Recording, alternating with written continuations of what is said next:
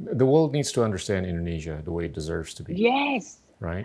Well, and that's that's my thing too. I think I, I just see myself as an ambassador to unravel Indonesia and just um, show them how fantastic it is. I can't think of any, not that I travel that much, but I can't think of any other place that is so incredibly creative. And, uh, you know, as I said, with so many young people and this incredible energy, and uh, I'm just constantly blown away by it. And uh, yeah, I feel it's my job to let everybody know that. Inilah Endgame.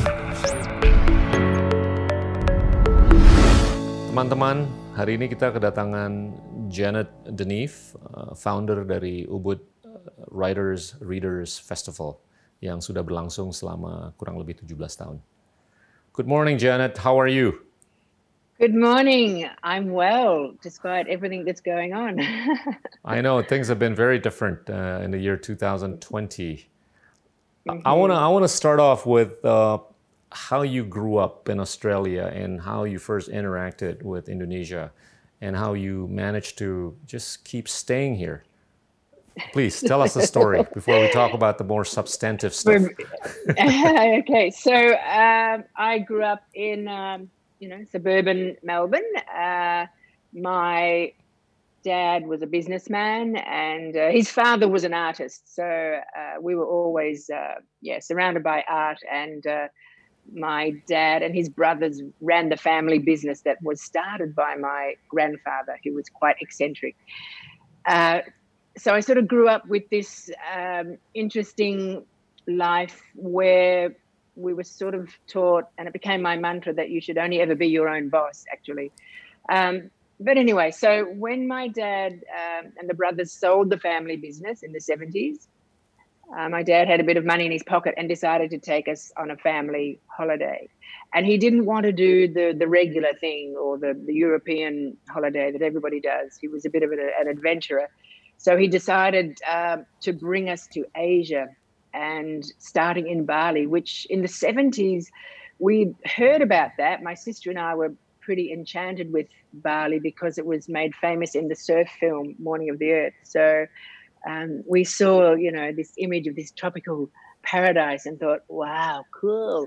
So, yeah, I think my mum thought we must be going to somewhere like Hawaii. So I think she thought, you know, like fancy cocktails and high heels and summer dresses. But anyway, so we landed in Ubud in uh, just after Christmas, 74 into 75. So, um, yeah, so we were blown away by the experience. I mean, for me, it was life changing. And so we came to Ubud and then I went to Kuta, then Jogja and Singapore. So uh, it was like, wow, this Asian world is uh, intriguing. And yeah, so he sort of started my adventure into to Bali. Uh, I, I, as I said, it was life changing. So when I came back and finished my schooling, my whole thing was, how am I going to get back to Bali? I even looked into, you know, somehow doing my final year um, in Bali as well or whatever. But in the end, in my art folio in my final year, it, I did batik painting. So my whole wow. folio was huge, big batik. So uh, yeah, so I didn't come back till I suppose it was nine years later because then I, you know, I started teaching. Um, I studied art, art and crafts. So art was always a big part of my life, as was um, literature. So yeah, I didn't come back till 84. And I met my husband the second day. So yeah, a lot of people say, "Oh my God, that's the best Bali bargain you know they've ever heard of." so, um, you know, that was another life changing moment. So after that, I you know decided to spend more time here. But I was also, apart from everything about Bali back then, I was really enamored with the food because it was the most extraordinary food and flavors I had ever tasted, of course, coming from suburban Melbourne, you know. Um, as I always say, frog's legs and even, uh, you know, gado gado peanut sauce was intriguing. Satay was intriguing. Um, sambal, all these flavors were just like, wow, explosions in my mouth 24 7. So that's when I decided to, to learn about the cooking. Um, and in Melbourne back then, there were Indonesian cookbooks, but, but nothing really looked like authentically Balinese. So that's when I thought, oh, obviously that's something I have to do myself. So that was the start of my culinary journey with Bali. Now, you have a few restaurants in Bali, uh, more so mm-hmm. in Ubud than other parts of Bali. Yes. But Do you have any yeah. presence in Australia, your hometown, or anywhere in Australia? No, I I looked into it. I mean, I'm I'm such a homebod that I I like to everything I do. I like to do in a short radius around you know my home from my home, uh, and I I sort of toyed with the idea of setting up a restaurant in Melbourne a couple of years ago when I felt that um, it was time to really explode on the scene and present Indonesian food like nobody's ever tried before in a really cool way. And I was even trying to get sponsors to try and do some sort of um, art collaboration to have musicians and artists and, and Indonesian poets and just just sort of explode, you know, with Indonesia. But yeah, I tend to think big, in case you haven't noticed. Yeah, um, which is good. yeah. um, yeah, so I was talking to Tony Wheeler from Lonely Planet, all sorts of people trying to just cook up this idea. Uh, but uh, well, it's the real estate and the rent uh, in Melbourne is prohibitive. And, you know, and people said to me, oh, it's really hard to get loyal staff. I said, I didn't say I was going to employ Australians. I was going to be, you know, talking to Indonesians. I was going to have Indonesian staff and I was going to try and link up with the hospitality schools here or in Bandung, for example, and try and create an exchange thing. Um, so it was going to be like a platform for educating Indonesians, you know, on the other side, you know, in Australia and going back and just this wonderful exchange. Um, yeah, but I just got chewed up by real estate and rental costs. And uh, I don't know, it became complicated.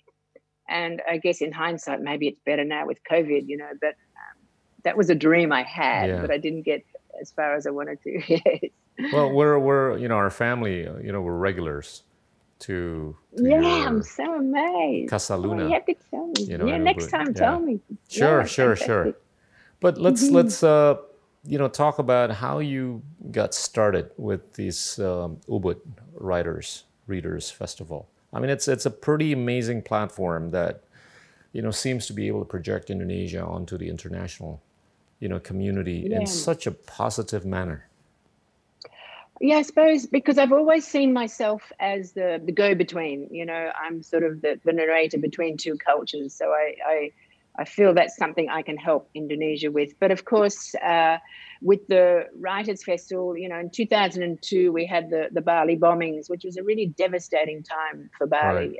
Um, and of course, sadly, we're going through something, yeah. yeah, sadly similar right now.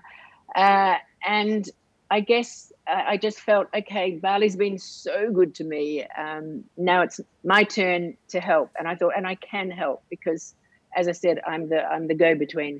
I have one foot in the the west, one in the east. So I decided, okay, we've got to find a way to boost the economy, but it's got to be in a really meaningful way. And actually, at that time, I was finishing my own book, Fragrant Rice, my sort of cooking right. memoir, you know.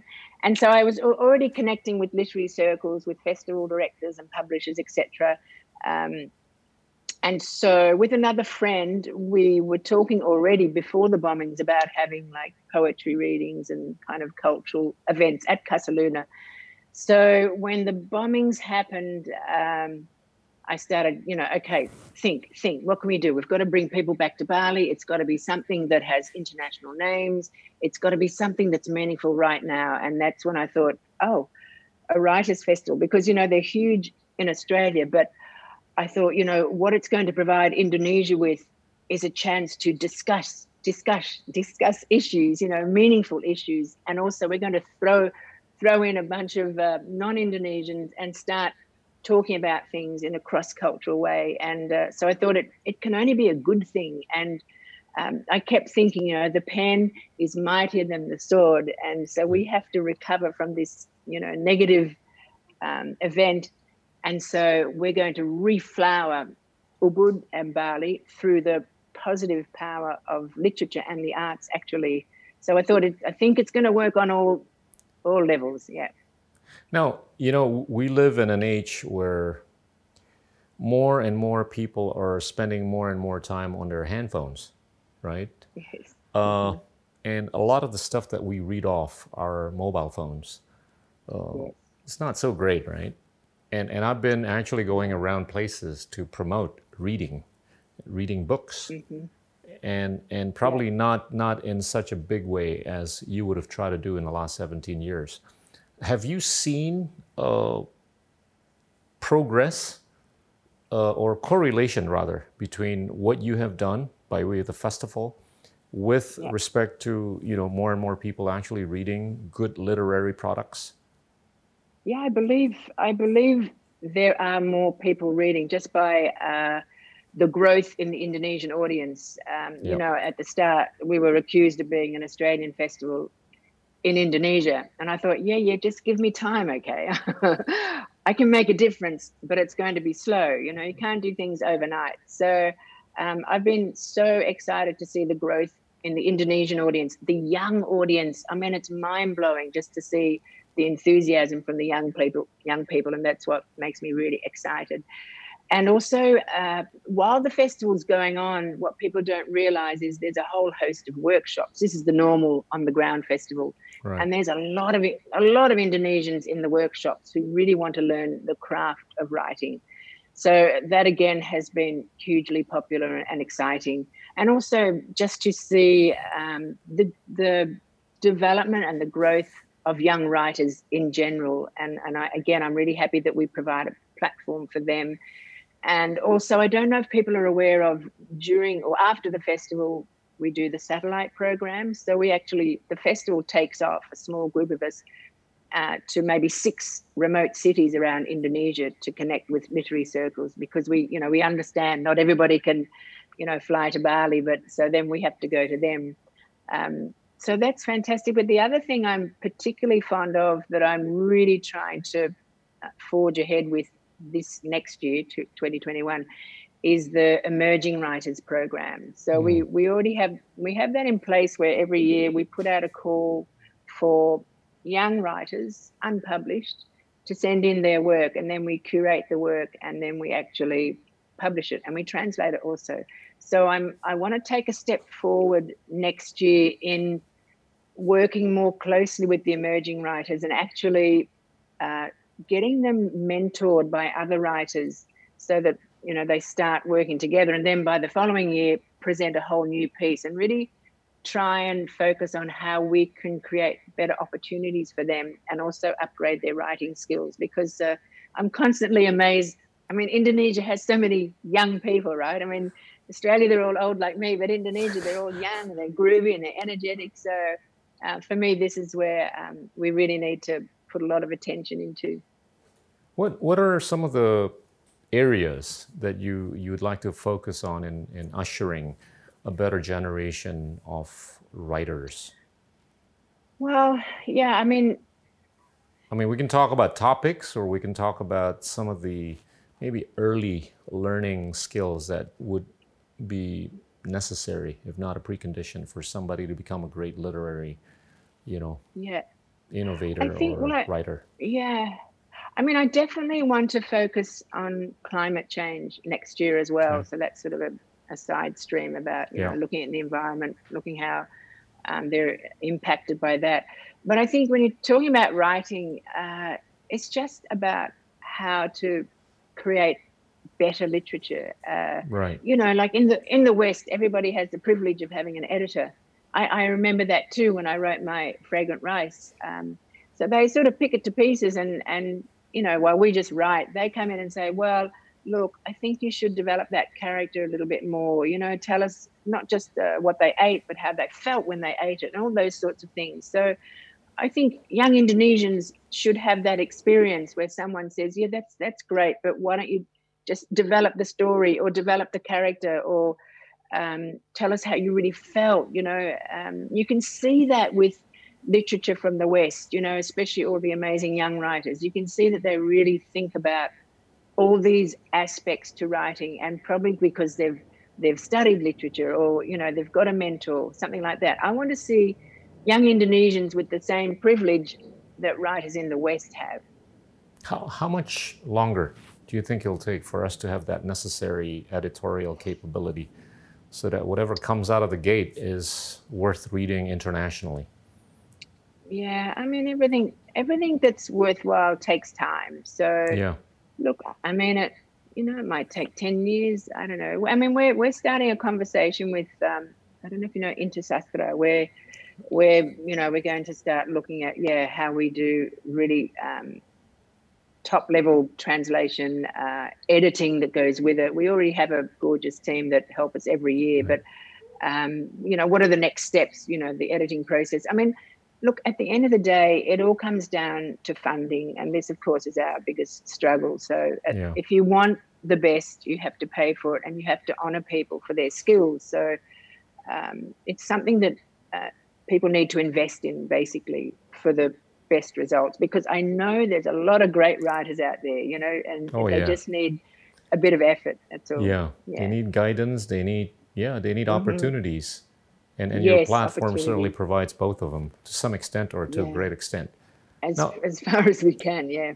let's let's talk about climate change, right? I've I've been saying this over and over in many conversations. It's just not yeah. enough in the necessary conversations for particularly the younger generation. What what yeah. what is your view in terms of what can be done to change that for the better? Well, that that was um, that's part of my program for this next year, uh, focusing on climate change, finding young writers who can write about that. Uh, but again, maybe mentoring them, um, getting them to work alongside others.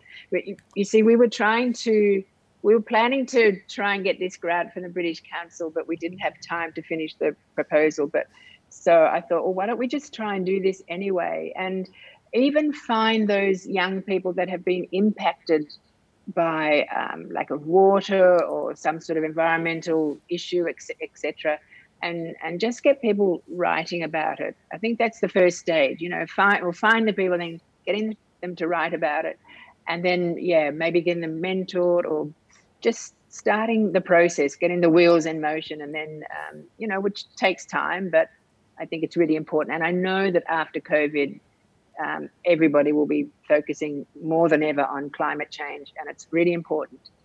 Yeah, let's let's segue a little bit to COVID nineteen uh, before we go back to the climate change topic. How how has Bali weathered, you know, this unprecedented episode of COVID nineteen, and how do you think uh, Bali will be able to come out of this thriving, not just surviving? Yeah, it's uh, of course it's a, an extremely difficult time. I mean, for yeah. all of us, um, it's it's been about how do we keep our staff employed. You know, for us personally, um, we kept we've kept Casa Luna open the whole time. Actually, um, after that first month or two when we all sort of shut down, but since about May onwards, we've all yeah we've been open, should I say? So um, yeah, difficult times. It's hard to tell right now. Um, I guess everybody's just cruising along um, to their best ability. Um, I mean, there's been some fantastic stories about young people going back to the land. Um, you know, we did a whole little series actually for the, the Writers Festival online about yeah, how uh, resilient young Balinese can be. And also, um, I, I, find it really interesting now when you walk through villages, the side or in front of their house, they're all planting sayur, you know, vegetables wow. and things like that. So, mm. yeah, so more, more than ever, people are growing vegetables again um, because, again, you know, agriculture and uh, all of that, you know, that's part of who Bali is or what Bali is. So, um, I don't know, I think right now everybody's surviving as best they can. Um, I've also been supporting an initiative in Denpasar, just trying to see who doesn't have enough food and how we can all help them. Um, so everybody's all in, in help mode as well. Um, and right now, also, there's a little bit more tourism. So I think suddenly people are feeling really optimistic. And, and Balinese are eternally optimistic. So, yeah. uh, you know, I think they know, okay, we just have to be patient, um, do the best we can. Um, everybody's there to help and after that hopefully they'll blossom into something better than ever before. But of course we also all, all, hope that can we revisit tourism and can we shape it or or set it into a slightly different direction that's a bit more eco-friendly or um, yeah we're just sort of talking about what if we could change the plan a little bit. So yeah. Right right. I you know of course people in bali they're known to be optimistic and resilient, right? And mm-hmm. and I'm just hopeful that you know we all can get vaccinated sooner rather than later. Yeah. And that that Yeah, I think true, will true. bring about normalcy Yes. in in the context of just about everything. Yep. Yeah, I agree. Absolutely. Yep. Whether we like it or not, it's the way forward. So Yeah. Yes. Look, I mean, I mean, it, th- there isn't a lot of travel bubbles, right, involving Indonesia yeah, uh, or Bali or any other parts of Indonesia, but but I do believe a lot of that is correlated with the degree to which we can vaccinate ourselves, right? yes. Faster true. or better or more effectively. Yeah. And and I Yeah. think the, the first quarter of 2021 will be pretty telling of what's to come. Yeah, I believe so. that I that will mean good for Indonesia and for Bali. Uh, yes. I want I want to push this a little bit. Uh, you know, we got in 2019 around 14 to 15 million international tourists, right? About 6 million of those actually visited Bali, right? And and you're aware of this massive infrastructure development plan that's been undertaken by the government, right? So with the hopes of you know, creating or promoting better connectivity, right? Would, would you be optimistic about a future where Bali actually gets visited by a lot more than 6 million international tourists? I, I have to ask this question because, you know, before we segue back to the climate change topic. Yeah. hmm No, uh, I think, uh, well, as we, we all say, it's all about infrastructure. And uh, we all suffer in Ubud in peak season. I mean, just we don't even go out anymore because, uh, you know, that thing where you'd go to Jakarta and say, oh, yeah, it's great, but the traffic's horrendous. And then suddenly in Ubud in July, August, you suddenly think, damn, um, we're the same. So, I, I don't think volume is the key. I think it's the quality of the tourists, not the quantity. Uh, and I think we all feel that way. And I don't know. I don't know if that's going to ever change. Um, yeah, because we can't handle as it is that many tourists. So Yeah. you know there Yeah. needs to be a lot of thought given to that, and people in the right positions or people with integrity that really genuinely care for Bali um, in terms of the people and you know what's happening on the ground, not not just in terms of economic growth or whatever. There must be other ways to make it. Let me let me throw some numbers at you, right? Uh, if we were to grow the number of international tourist arrivals from 15 million to let's say 150 million on a yearly basis in the next, I, I don't know, maybe 10 to 15 years from today. To Bali? Uh, no, to Indonesia, no, no, Indonesia. Okay, okay, right? yeah, yeah, From that was great, 15 great. million to 150 million. That's a tenfold Yeah. increase, right? In the next, I don't know, 10 Yeah. to 15 years. A good chunk of Yeah. that is going to want to go to Bali. It's it's a it's a point of inevitability, right? Yeah, mhm. Will it be manageable from the perspectives of many things, yeah. from the environment, from the cleanliness, from just the simple yeah. operability? ah, look, I'm not an expert on those levels, but I, I don't see how it can work. You know, it's just like, um, it's not that big an island, really. I mean, do we really want that? Um, look, I mean, Yeah, I, I think it's big- relevant. big- we got to talk about it because you know you're you're Yeah. thick in in the hospitality space, right? And you're going to be Yeah. exposed to this possibility by way of Yeah. just the sheer amount of money that's being poured into infrastructure development. Yeah, because the thing is, it's all very well to talk about the economic side of tourism, but I think in a place, well, Indonesia generally is so culturally rich. Um, you know what happens when a culture starts to break down? Right. Uh, I, I mean, I'm I'm really concerned about, you know, cultural heritage and uh, all those wonderful things that make Indonesia so special. And in Bali, you know, the the arts and the music and the dance. Um, can all of that survive with this um, non-Indonesian influx that may have different priorities? So, uh, I guess I tend to look at it on different levels, but um, it would be have it would have to be really well managed or well thought out. Um, but yeah, I mean, look in Indonesia, of course, you can direct traffic to different parts of Indonesia, but as you say, I guess they'll all want to come back into Bali at some point. So It's sounds it's like a- inevitable, you know. People Yeah. you know the, the mm-hmm. brand the brand equity is just so high yeah. that people would not want to escape or avoid bali but but i i'm, yeah. I'm with you i'm with you in the sense that i think mm. there's got to be a conscious effort of redistributing tourism yes. to other parts of indonesia yeah. And and i know you're a big I mean, fan of yeah. banda neira right which is yes. which is a place i've never visited but Oh my God, you have to go. I mean, I look, I mean, this is purely selfish. I would not even like to see a ton of tourists there either, to be honest. Um, yeah. You know, because I can see just some, some tiny changes since since I first started going there, and I thought, damn, you know, somebody really needs to be running this place, um, you know, in a really effective way and you know, sensitively. So yeah, there's so many pockets around Indonesia that could be developed. I mean, I find it really annoying when they talk about 10 other Balis. It's like, can you just drop the Bali bit? Because Bali is Bali, and nowhere in Indonesia will ever replicate Bali. It's not possible. But think of what is unique to each of those islands, and, and that becomes your selling point. Uh, and of course, Bandaneira, uh, the history, I mean, it's gobsmacking, you know, um, and the fact that it's still it's still there. Um, so when you go there, you feel like you're walking back into centuries ago. You know, there's still like cannons on the side of the road and just this um, colonial impact, which while it's a negative thing in a way, one thing the the colonizers did was they built strong buildings. So you've got all these massive, sturdy buildings on this super quaint, picturesque little island um, that's really sleepy, actually, given their tragic history. Um, right and just an amazing place. So yeah, there's many amazing places in Indonesia, and they should just market them for, for what they have. So I, I think there there might be a way to manage right the arrivals of yeah. 150 million international tourists someday in the future. Yeah. I, I mean, if if yeah. we take a look at you know, money matters, right?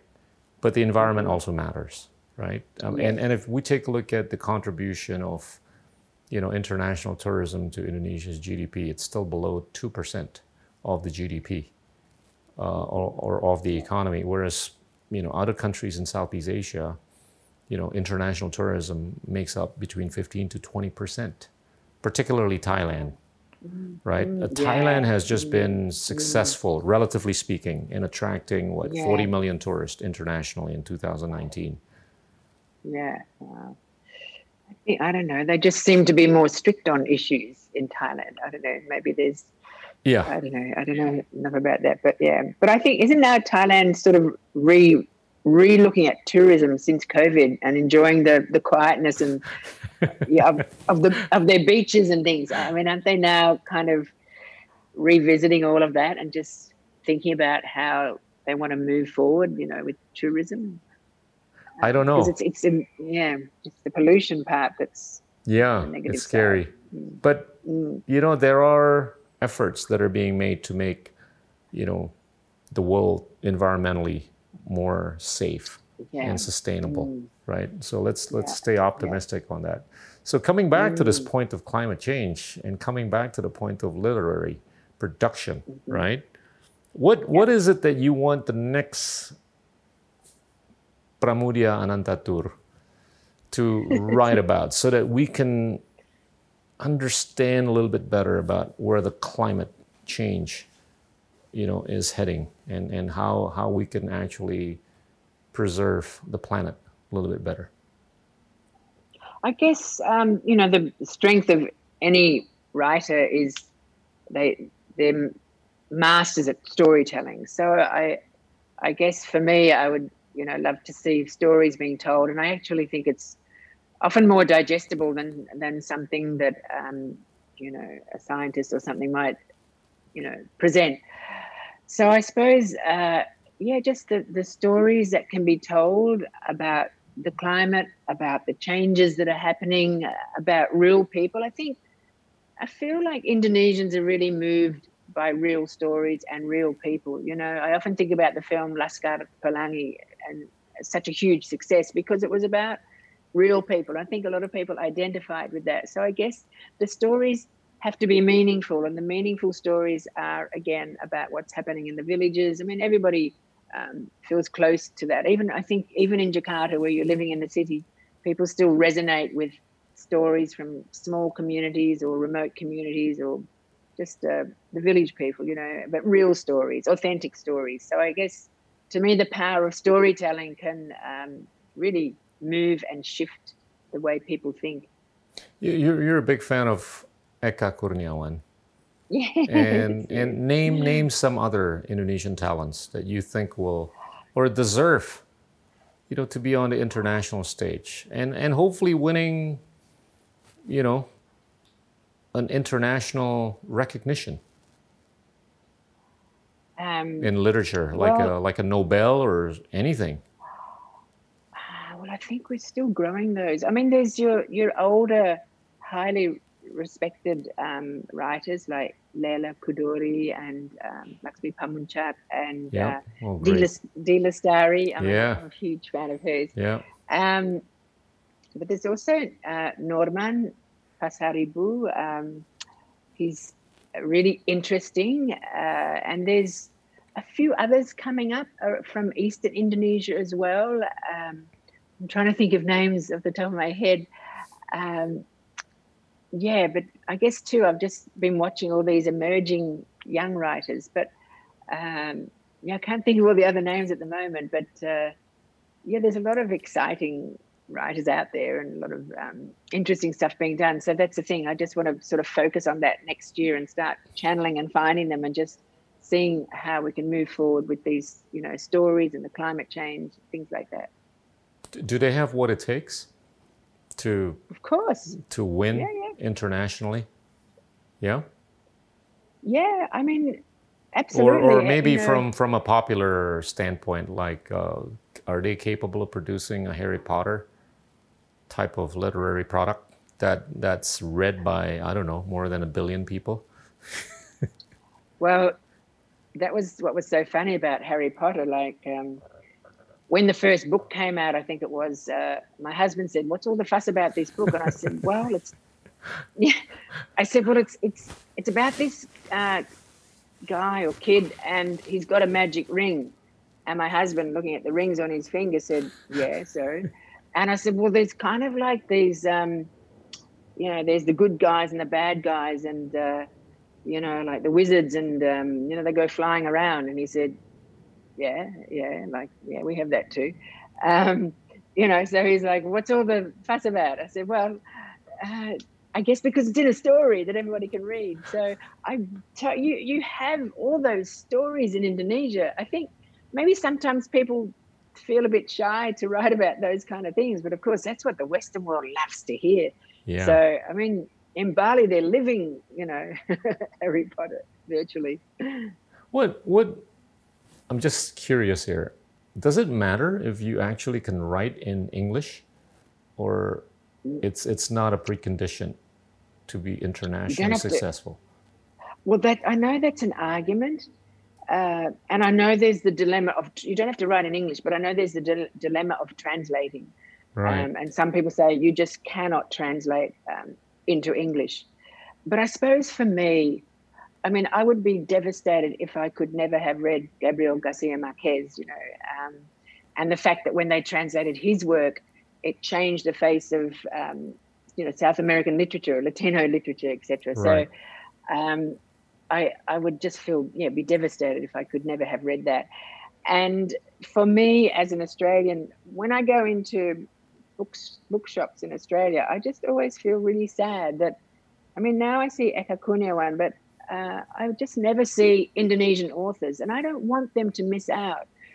I just feel like uh, so so many other countries have translated work, but Indonesia has very little, and I think I don't want you guys to be left behind. You know, you you it doesn't feel right in a way. So um, you know, I always feel that's my job. I have to help and see if we can't promote their work and, and get it translated. So it just means you have to, you know, have a good relationship with your translator and really find the best words possible. It will never be as good as the original work, but you can still do a fantastic translation. And I know with some of the sponsors in the early days, they'd say to me in Indonesia, well, you know, um, maybe we don't need an international festival. You know, I think it's okay. We just have Indonesians with Indonesians. But I guess for me as a Westerner, right. an Australian, It's like, no, you shouldn't be holding yourselves back. I want to see you on a global platform. You know, yeah. you, don't have, you can talk to each other any mm. time of the day, but I want to see a platform with you and people from all over the world, or the writers, should I say, discussing issues. And for me, that's just what makes things flourish and oh, become yeah. even more exciting. You know, when you get artists or musicians and writers from other parts of the world and you throw them into a room together, um, you just produce greater work Absolutely. and just wonderful ex- exchange and yeah. uh, all those opportunities. So um, I guess my thing is I don't want to see Indonesians left behind. I want to see them out there and having the same opportunities. Yeah, why, why not? Why should they have to stay, yeah, in the background?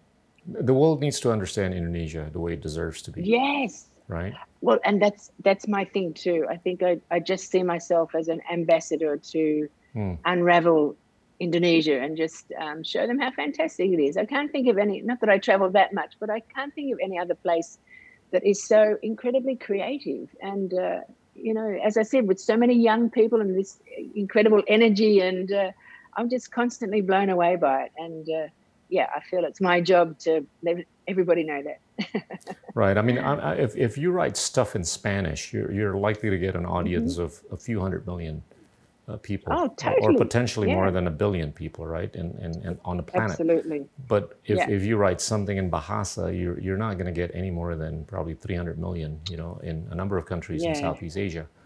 Uh, yeah. So there there is that seeming need, right, to project this internationally.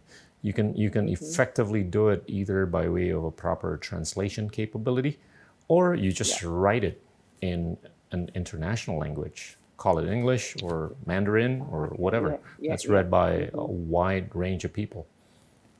Yeah. So, uh, well, I, I, suppose there are more Indonesians now writing in English.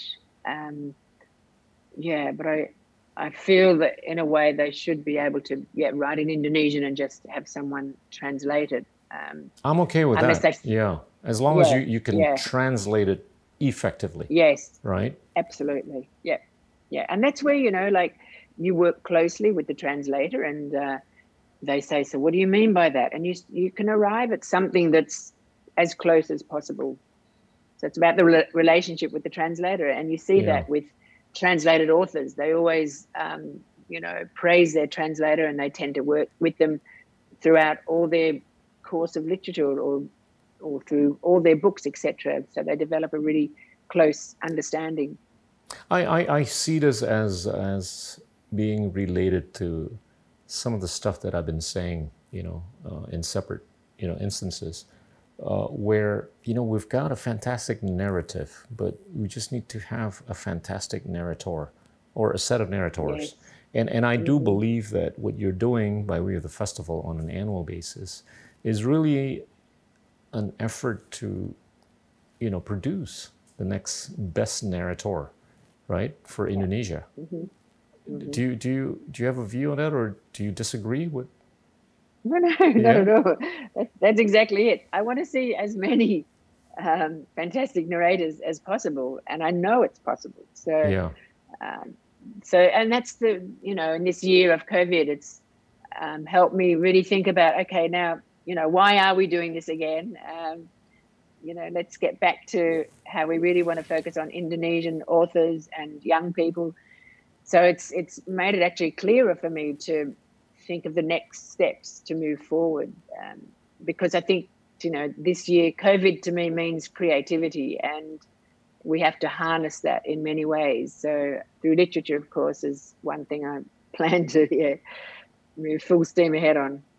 Yeah. I, I, I see COVID uh, as uh, relatively a blessing for people to yeah. you know mm. work a little more efficiently and pollute mm-hmm. less and yes, get one. actually mm. educated a little bit better right uh, yeah, i'm, I'm definitely so. spending yeah. more time looking at stuff on youtube to learn pick up on anything yes. new right and Absolutely. and i read yeah. you know as as much if not more than i used to you know in the old days yeah, that's the thing. I mean, you can never stop learning, and I think that's the wonderful thing about life. You know, there's so much to learn, and and on many different levels, isn't there? So, yeah, I'm trying to read more and just to, I guess, too, I mean, for us with the festival, the other thing was we had to learn how to do the festival online. So we right. were also thrown into this, uh, you know, Zoom world, you know, and, and uh, learning new technology, which has been fantastic too. As much as we were all a bit hesitant at the start or a bit nervous, uh, it's it's been great to come out with these new skills that are all kind of home taught, you know. So yeah, it's been an interesting year. We cannot doubt that one. Let's let's talk about the future of Indonesia. Where where do you see Indonesia heading into in the next wow. I don't know 10 to 25 years? You're right. Yes. Well, um, I think it's it seems like it's it's growing. I mean, with the right governance, of course, uh, uh, Indonesia is a force to be reckoned with. I mean, I, there's no doubt about the the talent of the people in Indonesia, especially if you look at it. Um, if you look at the other countries around us, uh, Indonesia Indonesians are highly creative. So I think it's just a matter of yeah, uh, investing in education, um, investing in young people, uh, getting them, um, yeah, getting them or upgrading their skills, and I guess just yeah, looking at um, the economic benefits to be made with um, in terms of business and, and what it is that Indonesia has that that others in this region don't have, and I guess um, you know we're talking about tourism too, how to really move forward in, in the best possible way. So I, I guess it comes back down to governance and just, you know, focusing on the things that can help Indonesia move forward because you have everything here. It's it's incredible. If if I tell you by the year 2045, there would have been five Nobel prizes in literature won by an Indonesian or by Indonesians.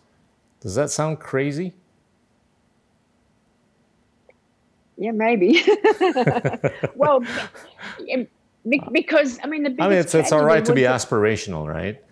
Oh, yeah, true, true. Yeah, that's good. Then. Look, I mean, they didn't even give Pramoedya the Nobel Prize. I mean, that's a, a tragedy. I mean, Let's it's talk about that. kind of yeah. outrageous. I just, I can't ever, I will never believe that. You know, I just so I, I don't know. I'm just uh, not sure about the Nobel Prize anymore. They they still could posthumously right? Well, that's true. Well, they should. It's really outrageous. I'm not happy about that. There's there's there's no rule against doing it posthumously. That is true. Well, the last time I checked, yeah. I could be wrong. Uh huh. But I think um, your friend, the Indian guy on the other program, he was talking about the Nobel Prize too, and the fact that yeah, you know, they need they need to look he's, at. He's actually Singaporean. Judging. Singapore. Okay, he's yeah, ethnically Indian. Yeah. And yeah, yeah. So um, just uh, yeah, how to move forward with the Nobel Prize. I think we need to look at who's on the judging team. Well, he looks at it from a different angle. He doesn't see the relevance right. of a Nobel committee, right? Which is right, yeah. not connecting with you know some parts of the world. But yes, but let's yes. assume that that gets corrected, right? Ah, okay. Uh, I mean, if I tell you that yeah. by the year 2045, Indonesia would have won five Nobel Prizes in literature, and a chunk of that would have been on the back of the exposure they would have gotten through your mm. festival or some other international yeah. festivals. Is yeah. that is that a pretty credible story? Yeah. Okay. Let's work towards it. yeah. Why not? Okay. No, I just, I just want to plant something in your head, right? Yeah. So that you yeah, know true, when true, when, true. when you do your yeah. next event, this is yeah. this is sort of like the end game that I want to go after. Yeah, true, know? true. No, you're right. And people have said that to me before. When when will an Indonesian win the Nobel Prize for literature? So, uh, yeah, okay. I guess I've just been a bit uh, disturbed by it because of Pramoedya. But um, if we're going to correct all those other things, then yeah, of course, of course, it's possible. Yeah. Something to work forward to. Yeah, yeah. Okay, how many how many quality writers are there that are visible to you? In, in Indonesia. Indonesia. Um, One hand, two hands, multiple hands to count with? Well, I, I suppose there's, uh, let me think. Because the, the thing with the Indonesian writers is there's probably more that are working with short story and poetry, etc. So, um, in terms of novels, you know, there's there's not as many that I'm, you know, like in Australia, for example, everybody writes novels, whereas in, in Indonesia, there's yeah the poets and the short story, etc. So, I guess it's about I can think of um, you know our, our top level, but I know that there's the next level that we can develop. Um, but at this stage, a lot of the the others are more short stories. So whether it does the Nobel Prize have to be, you know, a novel, or you know, is it something we need to think about, you know, pushing people to write more novels, or there's sort of that tradition of poetry that's really strong as well. So, yeah, I guess it's, yeah, I'm just trying to think. Yeah, and there's the thing is too because Indonesia is so big. There's there's writers all over, you know, the archipelago, of course, that we haven't even really connected with yet. So that's that's why I feel like there's more out there that I don't yet know about that I need to find. I agree. I agree. Look, you know, if, if I go to the bookstore or if I go to Amazon, there's not a whole lot of history books on Indonesia, right? Mm. I mean, there, there's a lot, but there's not a lot, if you know what I mean, right? Yeah. Now, yeah. the lot that I see are mostly written by non Indonesians. No, right? true. It's true. And, and yeah, yeah, is that a problem? I think it is a problem. And, yeah. and I think it's you important know, for Indonesians to be sensitive to their own way of looking at history, not other people's way of looking at history of their country, right? Yeah. I mean, it might also be a question of economics. I mean, if you decide to write a book, I mean, that takes a big chunk of your time. And maybe that's true. For Indonesians, maybe they don't have the liberty to just think, I'm going to write a book and not have an income, you know? That's yeah. whereas in the West, you can do that. You can say to the publisher, I'm going to write this book and uh, can you give me an advance, which yeah. might be $15,000, which yeah. for people here, that's a, a, huge amount of money. So maybe it, it is a question of, yeah. Um, yeah, economics. I mean, I read the most amazing book the other day but it's, it's written by an American journalist about the last whalers, you know, the whaling community in La, Mare, Lamalera. Um, and I, I don't know if Indonesians have written about that, but I thought, well, he would have got an advance from the publishing house that, you know, that he could focus on this work um, that would, you know, pay the bills, etc. Um, yeah. So it's of course you're going to get a lot of non-indonesians writing about these things because they can survive when they choose to to do these works let me push on this uh, we have seen episodes where publishing houses have gotten disrupted right by the uprising technological behemoths yeah. right they're, they're not only democratizing but they're disrupting the conventional wisdom of publishing literary products, mm. right? Now, does that offer a hope for the future writers so that they could get, you know, monetized or they could get monetary support from some of these, you know, technological or tech behemoths who can actually afford it a little bit better, a little bit faster, a little bit more than some of the pre-existing publishing houses. Yeah. Mm. Well, I mean, it probably is the way forward for a lot of people. Uh, I guess you know, as you're saying, publishing is changing by the minute anyway. Um, yeah. So if they could get support, um, I mean, I you know, I love reading books, but I tend to use my Kindle a lot now because often I can't. You know, I can't do I that. I read it. I, I, yeah, I am amazed. But, I, I, I just mm. can't get out of this, you know, paper. Yeah, I know. you know, mean. I mean, I know. I, I prefer a paper book, but if I really want to read something and I don't have it, I just think, okay, I just I just use my Kindle. Um, but yeah, I think there's probably more opportunities now um, to find a voice or to to to put your work out there. And of course, social media um, is one enormous way also to promote what you're doing. I mean, especially Absolutely. if you're a poet. Yeah. You know, so you can you can monetize, you know, on absolutely. you know any of the mm. pipes, you know, yeah. in social media. That's true it's true. And I think I know, like with uh, Aussie authors, or I'm not sure about other international authors, some of them are reluctant to promote their work, and if you don't, you just you get forgotten. So the normal publishing houses now don't really promote writers as much as they would have in the past. Right. So it's an open open field now. You know, the more you promote yourself, the more you'll be seen and heard and sell more work. So, yeah, there's a lot of options around. No, I, I think this will catch on, uh, and and I hope uh, yeah. uh, your your festival will expose, you know, the the young writers particularly, the not so young yeah. writers also, to yeah. these new possibilities of monetizing, mm-hmm. right? As as opposed to the mm-hmm. traditional route that they would have been, you know, basically depending mm-hmm. upon. And number two, going back to the history or topic of history, you know, there need to be many more books on the greatness of Indonesia throughout the Sriwijaya Empire, the Majapahit Empire, and anything in between or anything thereafter or anything preceding. And anything preceding, I think, could have included, you know, the Toba explosion, you know, that which took place about 75,000 years ago. Not, not many people talk about this, but, but I've been hypothesizing that you know, whatever happened with Lake Toba, which mm-hmm. was a huge volcanic, you know, eruption about mm-hmm. 75,000 years ago. And this correlated with yeah. the cognitive revolution of humanity that took place about 70,000 years ago.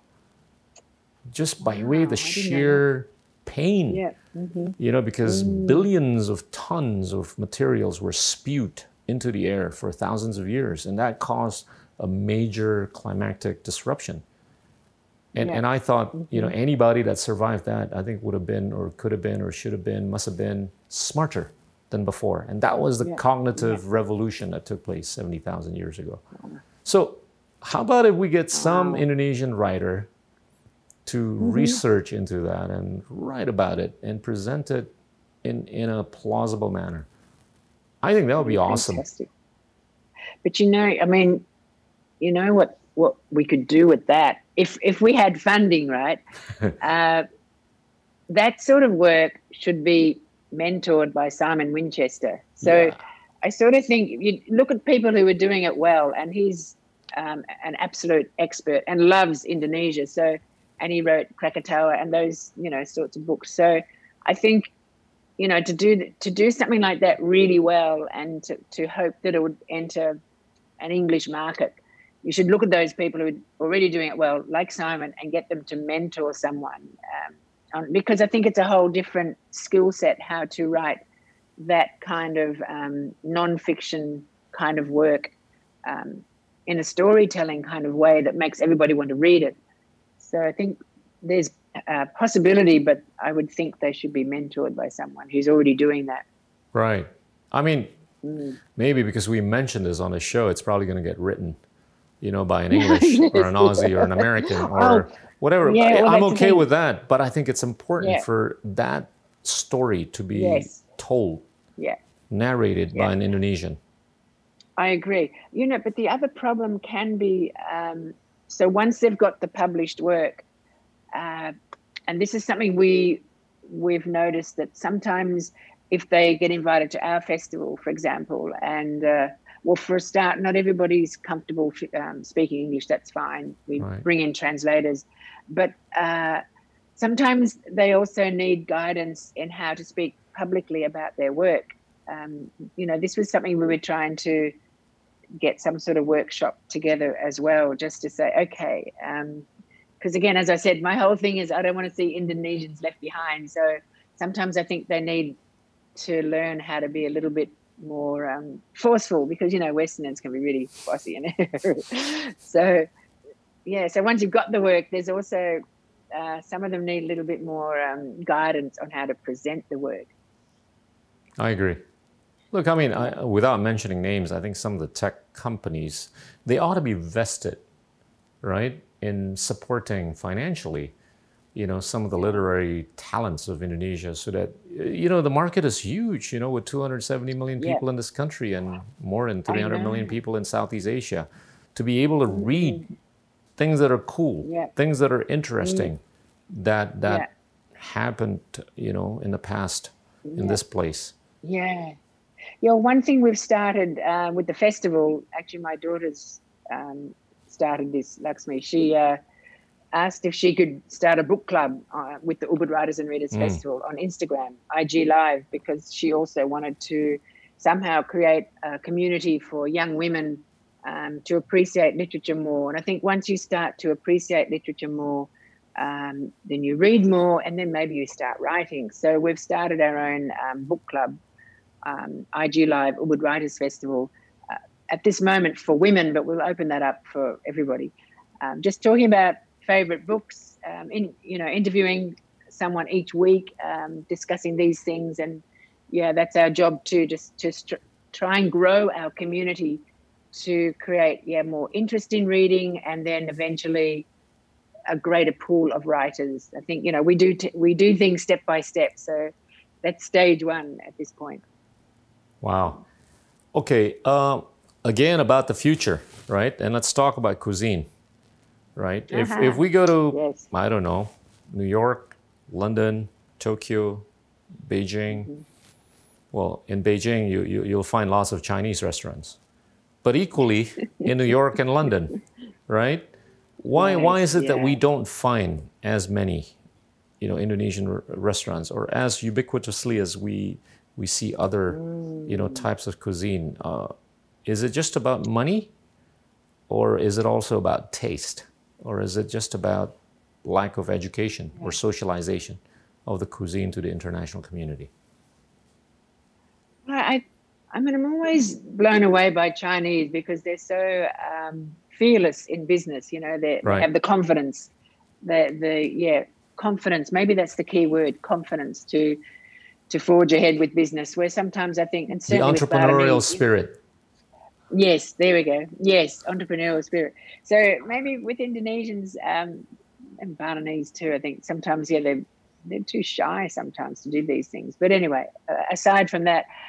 Uh, yeah, what is it? We all ask ourselves, what is it? So in Melbourne, for example, um, there are Indonesian restaurants, but most of them are sort of catering for the student. So right. they tend to be more casual, kind of canteen like restaurants. Whereas, you know, with Chinese restaurants, you now have the really top end, fantastic ones. So um, it's, I guess it's maybe it's uh, a fine financial issue you know, because even for me, trying to invest overseas, like in Melbourne, was uh, in the end too difficult. Um, yeah, the entrepreneurial spirit. I think also, for example, with Chinese cooking, uh, you don't need a lot of ingredients in a way. You you've got your ginger and your scallions, etc., and all the rest. A lot of it can be bottled sauces. But when you're talking about recreating Indonesian food, you know, you've got to have your turmeric and your galangal and your ginger and barley, kencur, and then you, you know, you have to have all the seeds and the nuts, and then don't wow, forget the tamarind and, and the tamarind, yeah, and the palm sugar. So, I mean, there's a lot of ingredients there, and they're expensive over there. You know, lemongrass only is like I don't know in Australia, it's like worth fifteen thousand rupiah just for one. You know, so uh, I think there's yeah, the, there's the additional costs of recreating the most authentic food you can, um, and you can use the packet bumbu, yeah, tapi kan, it's not as uh, effective, you know. So there's kind of dilemmas, and we've talked about that a lot. With uh, we've had so many discussions lately about gastro diplomacy and how do you um, get Indonesian food out there. But um, yeah, I guess until you, yeah, you have to support them with financial benefits, I guess, or um, maybe come up with an even better product that is a packaged spice paste. I mean, they did that in Thailand, didn't they? So I guess follow the I mean, model. You, you know, the Thai food is as complicated as our food, right? In terms of the spices yeah. that are required to make, but they seem to be, yeah. you know, be more yeah, present, did it, didn't they? Right. Yeah, no, you're right. But they, but they got support. Remember, so they they did have a whole program to okay, push the food out there. So suddenly, almost overnight in Australia, every every other corner there was Chinese food on one corner, and the other corners were Thai food. So uh, yeah, there was that government assistance that helped them yeah. to. I think they provided. Yeah, the, the paste. Suddenly, you could buy the paste, you could buy the sauces, so everything was accessible. And I, and that's true because even then, that's when suddenly you could buy lime leaves. So there seemed to be this effort from the Thai government um, bringing in the ingredients needed at an affordable price that then helped them push their food right out there. Um, and maybe, I don't know if they had programs that assisted these uh, young entre- entrepreneurs, you know, how to style the restaurant and how to really get it off its feet, you know, get it going. And what's exciting in Melbourne right now is that uh, now, you know, you've had the parents come out and start up the restaurants. Now the, the next generation, the children uh, moving forward. And we have uh, one fantastic one in Melbourne called Ginger Thai. And what I really love about it is it's it's the second generation of kids. They're all young Thai kids. They're all groovy, gorgeous restaurant, and the food is as authentic as they can produce it. So I think there has to be um, yeah financial assistance, but also a commitment to make it as authentic as they would eat it, and not adjust it too much for the Western palate. And doesn't I'm not talking about chili heat. It just has to have those layers of flavors that, that we all know about and love. They just have to represent that as authentically as possible. See, it, it, doesn't sound that bad. I mean, it sounds like these issues are fixable, right? So yeah, that, that, that actually yeah, gives yeah. us hope. Oh, yeah, it can be done. Yeah, absolutely. Again, it just needs a, a dedicated team, it just needs uh, government support. Uh, it, yeah, you can do it in stages as well. You just need to be really focused. Right. You know, we had a guest uh, here a few weeks ago who who was uh, who is a, a coffee guy, and oh, he uh, Kopi Kenangan, right? Okay. And he's basically, yeah. you know, expanded in such a big way. He's going to exceed a thousand outlets, and he's ah, thinking of expanding to three to four thousand in mm-hmm. I don't know in the near foreseeable future. But but he's already thinking of yeah. the long game where he's thinking of wow. getting thirty to forty thousand outlets uh, across the globe. Yeah, I, mean, I heard about him. Yeah. You know, it's it's very rare that you hear mm-hmm. this sort of ambition yeah. or aspiration, you know, from from a young entrepreneur who who is really. I think he's figured out the mojo in the sense that, you know, he can get each one of these outlets to break even in like a number of months. I'm guessing eight, nine months. Uh, mm-hmm. And he can sustain this business, you know, in, in a good way.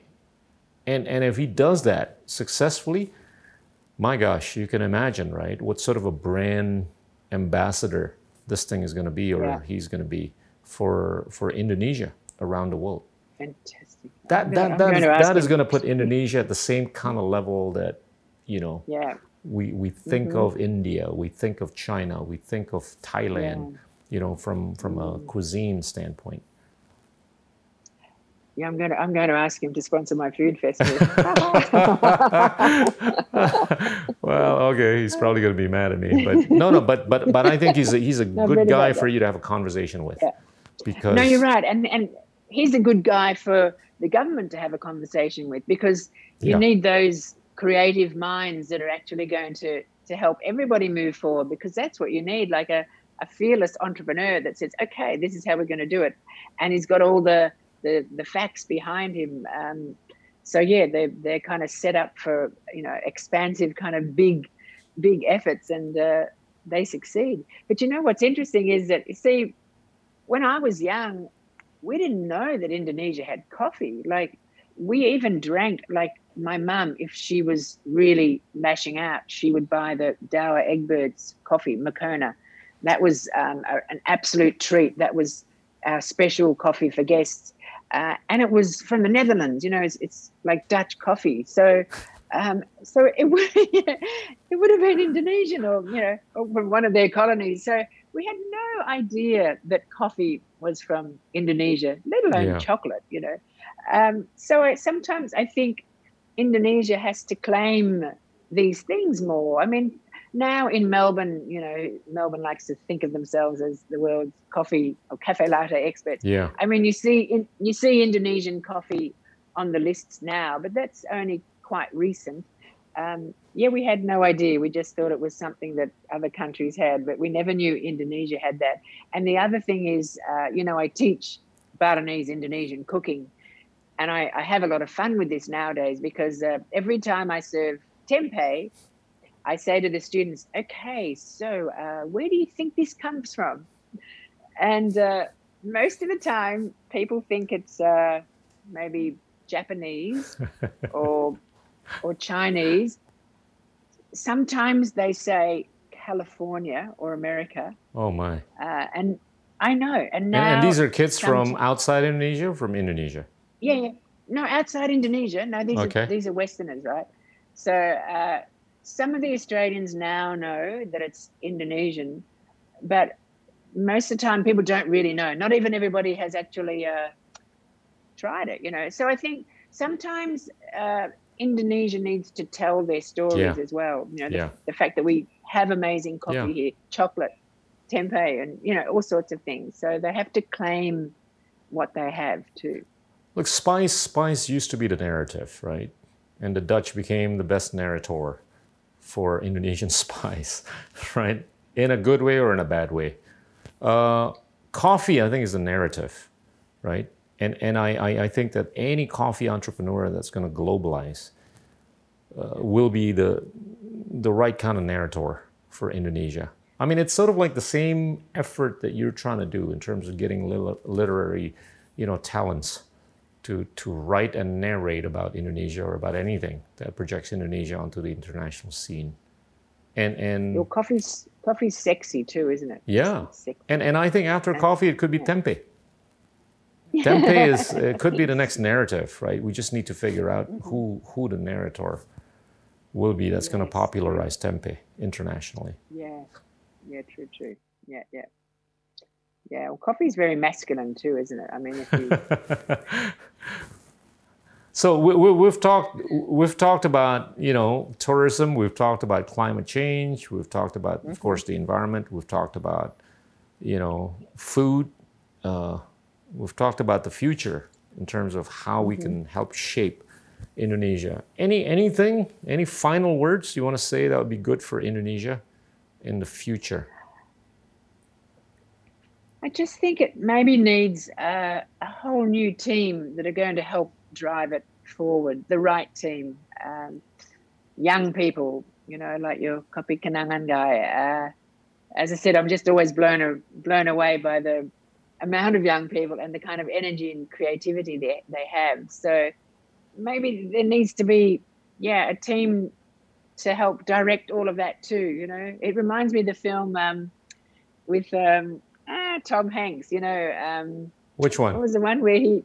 Oh, the one where he goes back in time and he becomes a kid. Oh, okay. Um, uh, the big. Big. Yeah. Big. big. That was in the eighties, man. he- Yeah, that was that was a good yeah. movie.